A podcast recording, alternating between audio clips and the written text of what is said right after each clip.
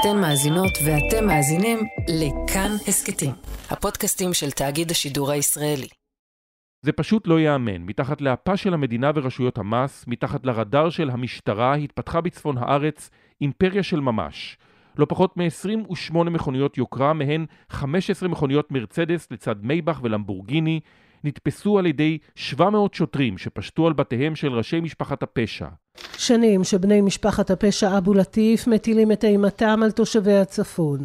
לפנות בוקר פשטו מאות שוטרים מהמחוז הצפוני על בתיהם של 26 חשודים המשתייכים לארגון הפשע. אבל זה לא הכל, זה רק קצה הקרחון.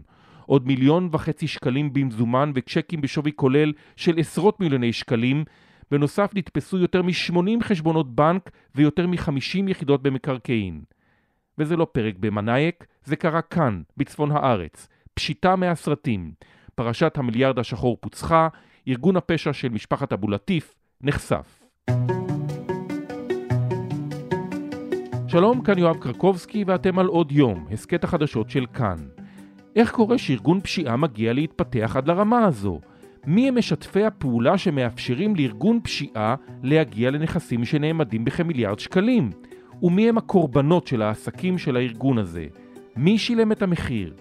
האם המעצר של 26 החשודים שנחשבים לראשי הארגון הזה באמת תביא לסגירתו של הארגון? או שרק ראשיו יוחלפו, בתי המשפט ישחררו אותם, ובעצימת עין יאפשרו לארגון להמשיך ולתפקד? תת ניצב בדימוס בני אבליה, לשעבר מפקד מרחב אשר במשטרה, ומי שמכיר היטב את ארגוני הפשיעה בצפון, ייתן לנו מושג כמה ארגונים דומים עדיין פעילים, והאם חשיפה כזו מרתיעה ארגוני פשיעה אחרים. אבל נתחיל עם אורלי אלקלעי שלנו, שתיקח אותנו למסע אל תוך משפחת הפשע אבו לטיף, שהייתה פעילה בצפון הארץ.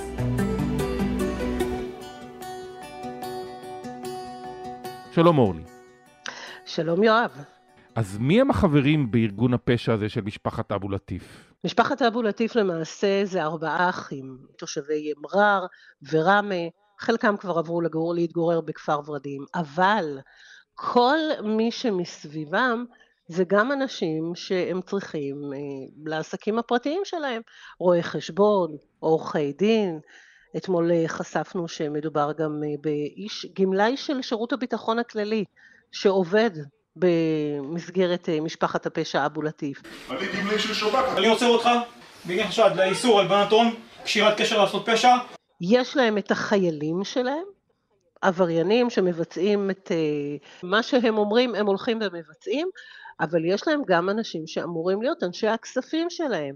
וראינו אתמול, שאתמול גם נעצר ראש מועצת ראמה, שאוקי לטיף, שהוא בן משפחה של משפחת אבו לטיף. לטענת המשטרה, שאוקי לטיף אה, פעל לטובת ארגון הפשע אבו לטיף. מכרזים, ביקש מהמשטרה להפסיק להציק בכפר ראמה באכיפה כזו ואחרת. משפחת אבו לטיף ידעה בכל. אז בואי נעשה קודם כל, נניח אותם על המפה. איפה הם נמצאים? משפחת אבו לטיף למעשה ממרר וראמה, אלה הסניפים העיקריים, הפעילות שלהם בעיקר בצפון, אבל בפשע אין דבר כזה שאין דו-קיום ואין קואליציות עם ארגוני פשיעה אחרים.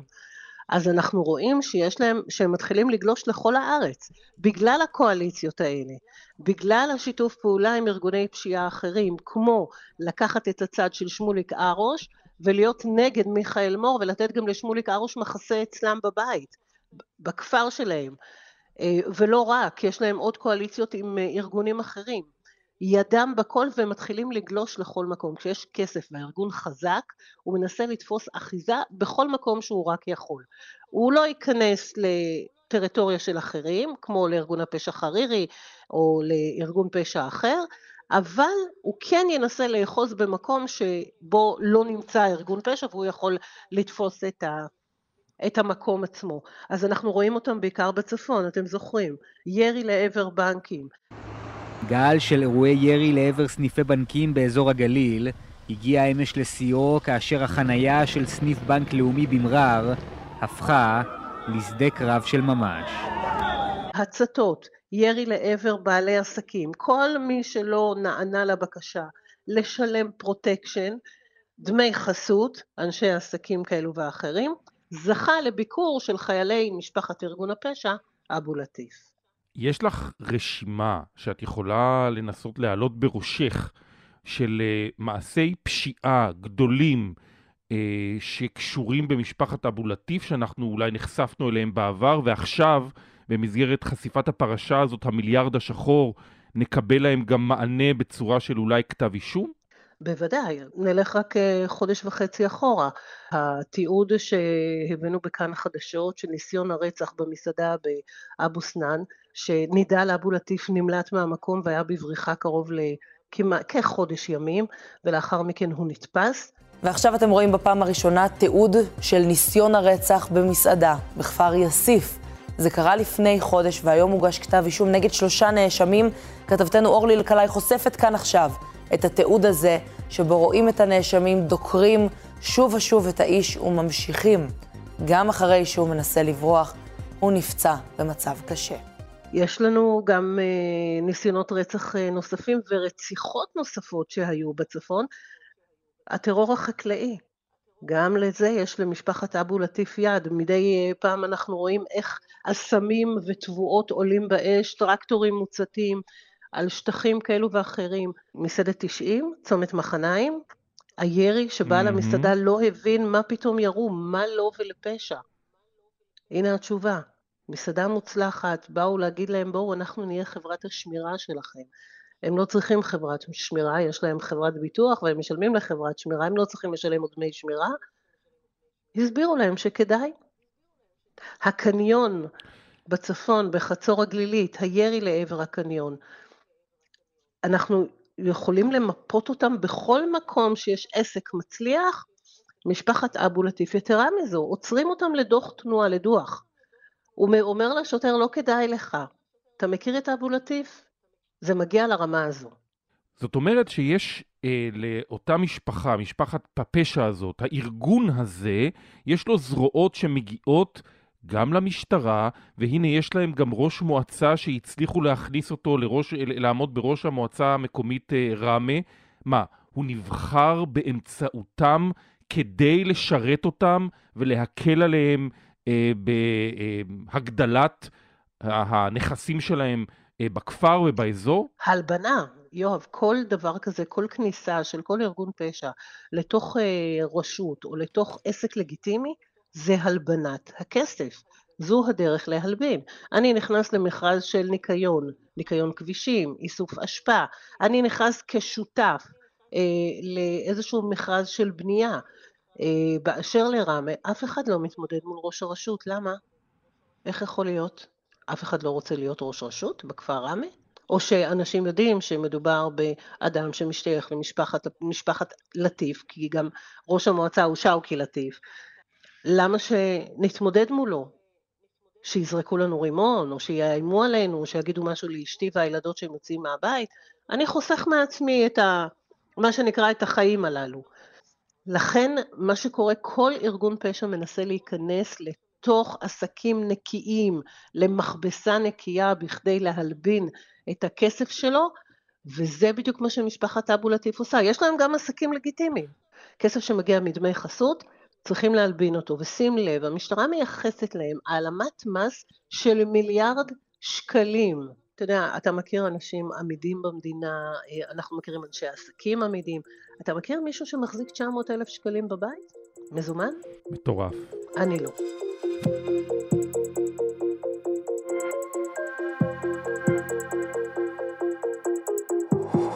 עשרים ושישה החשודים שנעצרו, הם ארגון הפשיעה? הם החיילים העובדים בארגון הפשיעה, בהם גם ראש הארגון, נידאל אבו לטיף, הוא כרגע במעצר לאחר שהוא נתפס כאמור על אה, ניסיון הרצח במסעדה באבו סנאן, הוא נעצר וכרגע הוא בכלא. מי שכרגע עצור בידי המשטרה זה אנשים שהמשטרה מייחסת להם, חלק מהם אה, זה נורא תלוי בהיררכיה, יש כאלה שהם יותר מקורבים לראש ויש כאלה שפחות. יש כאלה שהם אה, אלה שלוקחים את הרכבים לשטיפה או שהולכים לאיים או לגבות את הכסף מהדמי חסות, ויש את אלה שבלילה מגיעים וזורקים את הרימון או יורים אה, לעבר אותו עסק, בכדי שזה שבהיררכיה היותר גבוהה יגיע למחרת ויגיד לו, אתה בטוח שאתה לא רוצה דמי שמירה? תראה מה עשו לך. מדברים על אחיזה ברחוב, מדברים על שליטה. כל עוד מישהו מהאחים יהיה בחוץ ויהיה מי שיפעיל את המנגנון הזה, המנגנון הזה ימשיך לעבוד. פשע זה כמו פירמידה, למעלה יש את האחד, שהוא זה למעשה ששולט, ולמטה, בתחתית הפירמידה, יש עוד המון כאלה שרוצים להגיע להיות האחד. זאת אומרת שאין בפשע ואקום. משפחת אבו לטיף קיבלה מכה, מכה רצינית. מי שראה אתמול את כמות המכוניות, את הרכוש, את הכסף, את המחאות הצ'קים, המכה היא כלכלית. אה, צריך להתאושש מכזה דבר, כי זה לא רק אספנו את הכסף, את התכשיטים, את הרולקסים, את, אה, את המכוניות, את הלמבורגיני. אתה יודע, כולם התלהבו אתמול מהמכוניות. עזוב את הלמבורגיני, הרכב של אשתו של נידל אבו לטיף, ג'יפ מרצדס, הוא גם קנה לה את המספר 777, ג'יפ שאתה קונה אותו בשני מיליון שקל, יותר מהלמבורגיני. יש גם 80 חשבונות בנק שחולטו שהמדינה שמה יד עליהם, ויש עוד 50 נכסי מקרקעין, שעל פי החשד נבנו באמצעות כספים שהובאו מפשע. ברגע שהמדינה שמה על זה יד, זו מכה רצינית, כי כאן הם, ש... הם סגרו למעשה את הברז, ברז החמצן, את הכסף. אבל כל עוד בחוץ ישנם ראשים מהמשפחה שיכולים להמשיך לעבוד ולהביא את הכסף, אז ייקח להם אה, חצי שנה, שנה להתאושש, הם ימשיכו הלאה. גם כשאנחנו מסתכלים על משפחות הפשע, חרירי, קוטייר מהמגזר הערבי, אברג'ל, אה, דומרני שישב בכלא, מישהו מהם הפסיק? אף פעם לא. הפשע ממשיך לעבוד, החיילים שלהם ממשיכים לעבוד עבורם. מתי אנחנו רואים את המלחמות? שאחד החיילים מבין שהוא כבר נורא קרוב לפירמידה והבוס יושב בכלא ומי יקשיב לו כי מקשיבים לו, פה מתחילות המלחמות בפנים.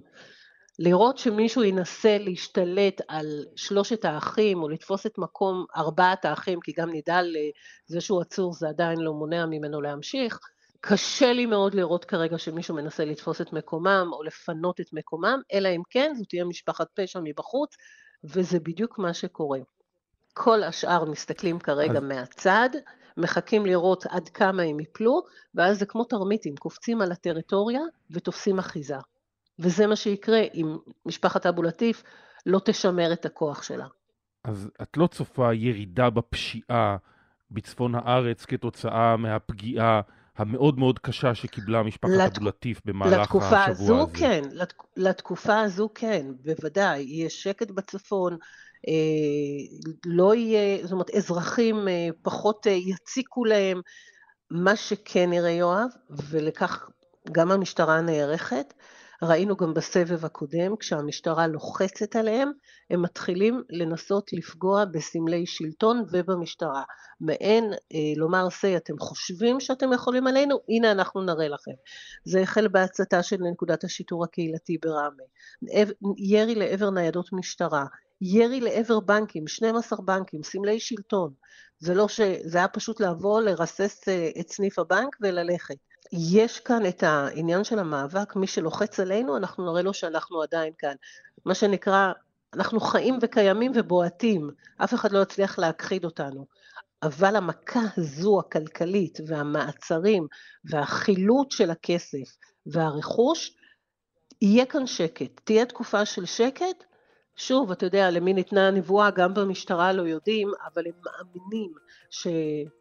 מאות אזרחים, מאות, לא עשרות, מאות אזרחים בצפון, אתמול ראו, אתה יודע, היה יום גשום, קודר וקר, עבורם השמש זרחה. אורלי, תודה רבה. תודה.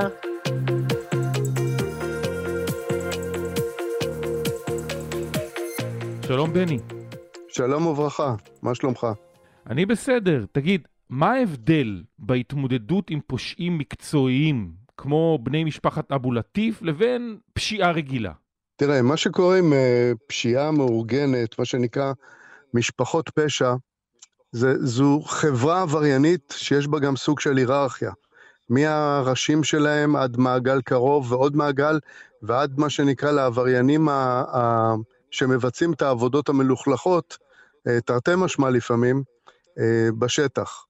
ברגע שארגון צובר תאוצה, צובר נכסים, אה, דואג להזין את עצמו באין ספור מקורות כלכליים, הוא צובר עוצמה, אוקיי? וכדי להטיל את חיטתו על כל אלה שלא מוכנים להישמע להם או ליפול למרותם, אוקיי? אז הוא משתמש באותם עבריינים שהוא משלם להם הרבה הרבה כסף כדי לבצע כל מיני מעשים, בעיקר מעשי הפחדה, סוג של טרור פלילי, על מנת שהכסף יזרום אליהם בדרכים אה, שקטות יותר, מאשר הם צריכים להפעיל אה, כוח על אותם אה, אזרחים תמימים שלא רוצים לשלם להם דמי חסות.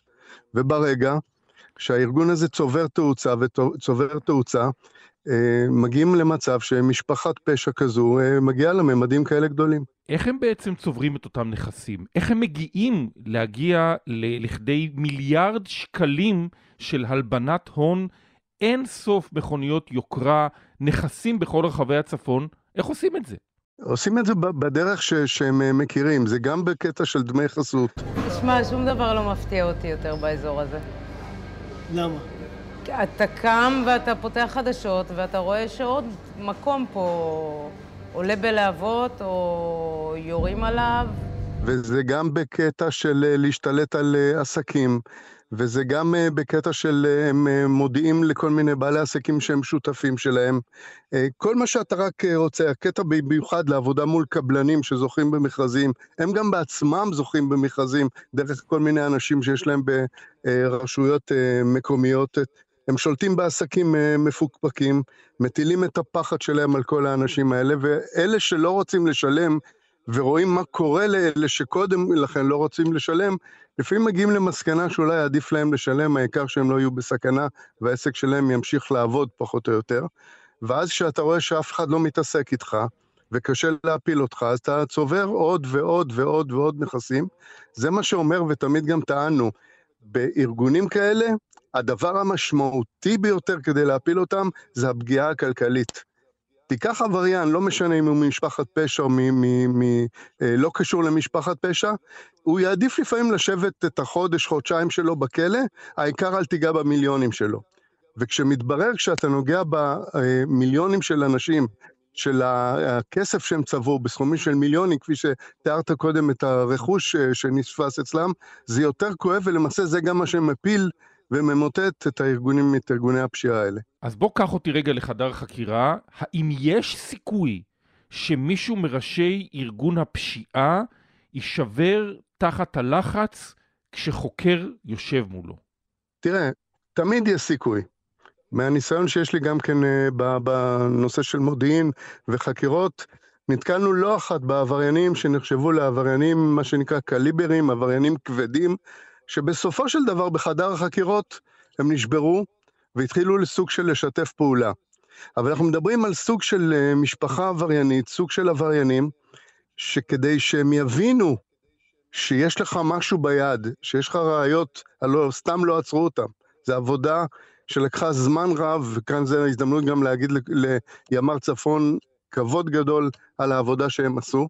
זו עבודה שלקחה המון המון זמן, זו עבודה שהשקיעו בה מיליונים של כספים אה, מהמשטרה כדי לקדם אותה, ואם לא היו מגיעים למצב שיש ראיות משמעותיות כנגד ראשי ארגוני הפשיעה, לא היו מבצעים את המעצר הזה. כי הם יודעים, אחרי כמה ימים הם הולכים הביתה. ורק כשהתגבשה תשתית ראייתית, אז מה שנקרא עשו את הפרוץ וביצעו את המעצר. עכשיו, אם יש קבוצה של אנשים שנעצרים, זה בדרך כלל קורה, ואנשים, חלקם שותקים בחקירה, או לא משתפים פעולה בחקירה, ומספיק שיהיה אחד או שניים שהם יראו שיש תשתית ראייתית מאוד מאוד כבדה נגדם, יש מצב שיש חלק מהם, שמה שנקרא, יתחילו לדבר, ישתפו פעולה עם המשטרה וישפכו אור על מקרים נוספים שהמשטרה חוקרת. מהניסיון שלך, כמה מהר חלק מאותם 26 עצורים של השבוע הזה ימצאו את עצמם במעצר בית, יחזרו הביתה, ישתחררו בתנאים, ובעצם יאפשרו לארגון הפשיעה הזה להמשיך לפעול. תראה, אתה נוגע בנקודה מאוד מאוד רגישה שהטרידה אותי, את חבריי לעבודה, את החוקרים שעבדו איתי. אם יש תשתית ראייתית מאוד מאוד טובה, ויש פרקליטות מאוד מאוד חזקה, שתחליט שבעקבות אותן אה, ראיות טובות שיש, אז אני חושב שהדרך הטובה ביותר תהיה להגיש כתב אישום תוך כדי מעצרם ולבצע את המעצר שלהם עד תום ההליכים המשפטיים. היה וחלק ישתחררו כן לא יהיו מספיק ראיות נגדם, או שחלק ישתחררו למעצרי בית, שזה דבר הזוי, אני לא, אני לא רואה בזה שום יתרון שבן אדם יושב במעצר בית, כי יכול לבצע את מה שהוא רוצה גם מהבית שלו, אוקיי? אז אנחנו לא נגיע לשום הישג, כי כמה שעבודת המשטרה תהיה טובה, ובמקרה הזה היא טובה, היא טובה מאוד, אוקיי? אם לא תהיה את הרגל המסיימת הזו של כתב אישום, של שיפוט שיהיה מהיר ולא יימשך על פני חודשים ומספר שנים, אז כל המעצר הזה וכל המסר למשפחות הפשע יהיה מאוד מאוד אפקטיבי. זאת אומרת, ביצעת עבירה, נעצרת, נשפטת, נכנסת לכלא לתקופה משמעותית, לא איזה בדיחה של חודש, חודשיים, חצי שנה, או שלא נדע גם עבודות שירות, רק אז אולי, אולי כבר תהיה סוג של uh, התחלה של uh, הרתעה בקרב העבריינים האלה. אני גם יכול להגיד לך שחלק מאלה שמבצעים את העבירות הפליליות לא מכירים אישית את ראשי ארגוני הפשע. הם נשלחים על ידי אנשים מטעמם, הם לא, הם לא מה שנקרא מלכלכים את הידיים שלהם במרכאות להתעסק עם כל אותם אה, עבריינים זוטרים שמבצעים את העבירות הפליליות.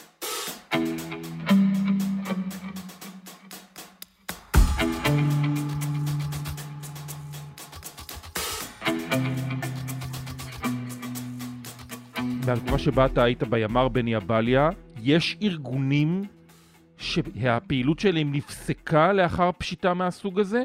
יש ארגונים שהכוח שלהם ירד, אוקיי? יש קבוצות של עבריינים, גם שקראו להם אה, משפחות פשע. אה, זה גם תוארים שגם אנחנו, המשטרה, וגם התקשורת, נותנים וכותרות לכל מיני עבריינים, שאפילו לנהל את המשפחה שלהם הם לא יודעים. אבל בוא נזרום עם, ה, עם הדברים האלה. ברגע שאתה מפצח ראשי ארגוני פשיעה. ברגע שאתה נוגע בראש, ברגע שאתה כולא את הראש, אוטומטית חלק מהאנשים, או שלא נעצרו כמובן, או שעוברים לארגונים אחרים, או שהארגון מתפרק. אבל דבר אחד צריך להבין, לא ייווצר ואקום.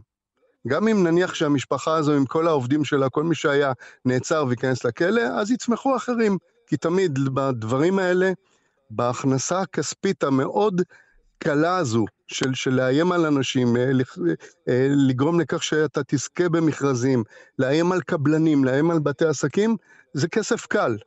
אז יהיו תמיד אחרים שיחליפו את המקומות שלהם, ועם זה המשטרה צריכה לדעת להתמודד, אבל לטעמי, לא כשהם מגיעים לרמה שהם הגיעו כמו המשפחה הזו, אלא ממש בהתחלה שזה קורה.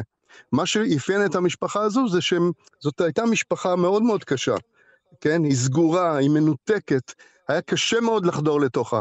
וברגע שהצליחו איכשהו לעשות שיהיה שם מישהו שיעבור, מה שנקרא, לצד של המשטרה ויספק את האמצעים שיביאו להשגת ראיות טובות, אז זה הדבר היחיד שיגרום לי להתמוטטות של המשפחה הזו.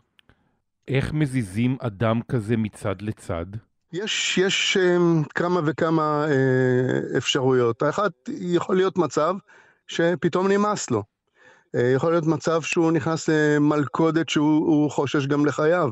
יכול להיות גם מצב שמציעים לו דברים שיוציאו אותו גם אה, מעולם הפשע, והוא מסכים לדברים האלה.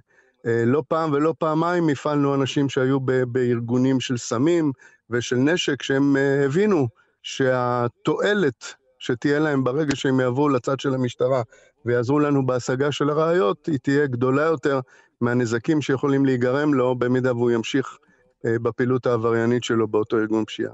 בני אבליה, מה חסר למשטרה כדי לנצח את ארגוני הפשיעה האלה? מה שחסר כרגע למשטרה זה הרבה כוח אדם. המשטרה צריכה לגדול, לפחות ב-4,000 עד 5,000 שוטרים. שוטרים שיהיו בתחנות, שוטרים שיהיו ביחידות המרכזיות, שוטרים שיהיו בתחנות אה, ששם יש הרבה הרבה פשיעה. כל הסיפור זה שאין מספיק שוטרים, אוקיי?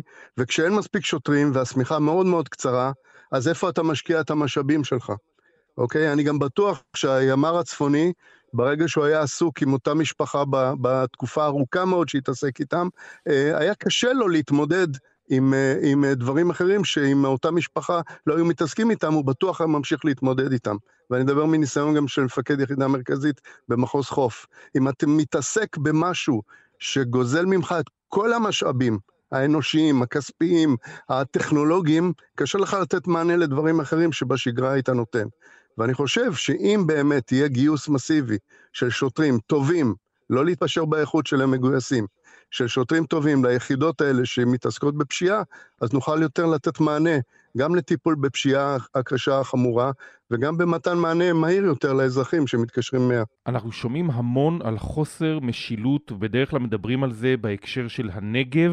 האם גם בצפון המדינה ישראל מאבדת את האחיזה שלה? אני לא הייתי קורא לזה מאבדת את האחיזה. Uh, המשטרה עדיין באחיזה, אבל uh, לא אחיזה כפי שאני חושב שהיא צריכה להיות באחיזה, ועוד פעם, זה היעדר של כוח אדם ואמצעים. יש uh, פשיעה בצפון, כמו שיש בדרום. אני חושב שבכלל יש פשיעה שגואה uh, בכלל uh, בארץ, מרמה של אלימות, דרך uh, רמה של uh, סחיטת דמי חסות, בכל המקומות. אתה יכול לראות בצפון, אתה יכול לראות בדרום, אתה יכול גם לראות במרכז הארץ. השאלה, איפה אתה מטיל את הכוחות שלך, את רוב המסה של הכוחות שלך כדי לטפל בבעיה כזו אה, או אחרת. אני שמח שקיבלו את ההחלטה שסוף סוף לשבת ולהפעיל את כל האמצעים שקיימים, וזה עלה למשטרה, למדינה, לנו, לי ולך, הון תועפות. אבל אם זה ישיג את המטרה שלו של פיצוח המשפחה הזו ולגרום לאנשים תמימים שרק רצו להתפרנס, לקבלנים, לבעלי עסקים, להפסיק לשלם את הפרוטקשן, זאת עבירה קשה, קשה מאוד, שפוגעת בביטחון העצמי והכלכלי של האנשים, אז אני מאמין שנוכל יותר אה, לאחוז חזק יותר בשטח ולטפל טוב יותר בכל העבירות שמסביב. תת ניצב בדימוס בני אבליה, תודה רבה לך. תודה לכם. האזנתם לעוד יום. אורחים דניאל אופיר ויותם רוזנבלד, עיצוב קול ומיקס חן עוז, ביצוע טכני שמעון דוקרקר. היה לכם מעניין? אז קדימה, תשתפו את הפרק. אם אתם מאזינים לנו בספוטיפיי או באפל פודקאסט, נשמח אם תיתנו לנו דירוג גבוה. הערות על מה שאמרנו אתם מוזמנים ומוזמנות לכתוב בקבוצת כאן הסכתים בפייסבוק, אפשר גם בחשבון שלי בפייסבוק או בטוויטר שלי. פרקים חדשים של עוד יום עולים בכל יום ראשון, שלישי וחמישי. את כולם וגם הסכתים נוספים מבית כאן תוכלו למצוא בכל מקום שבו אתם מאזינים להסכתים שלכם או באתר שלנו. כאן יואב קרקובסקי. משתמע. thank you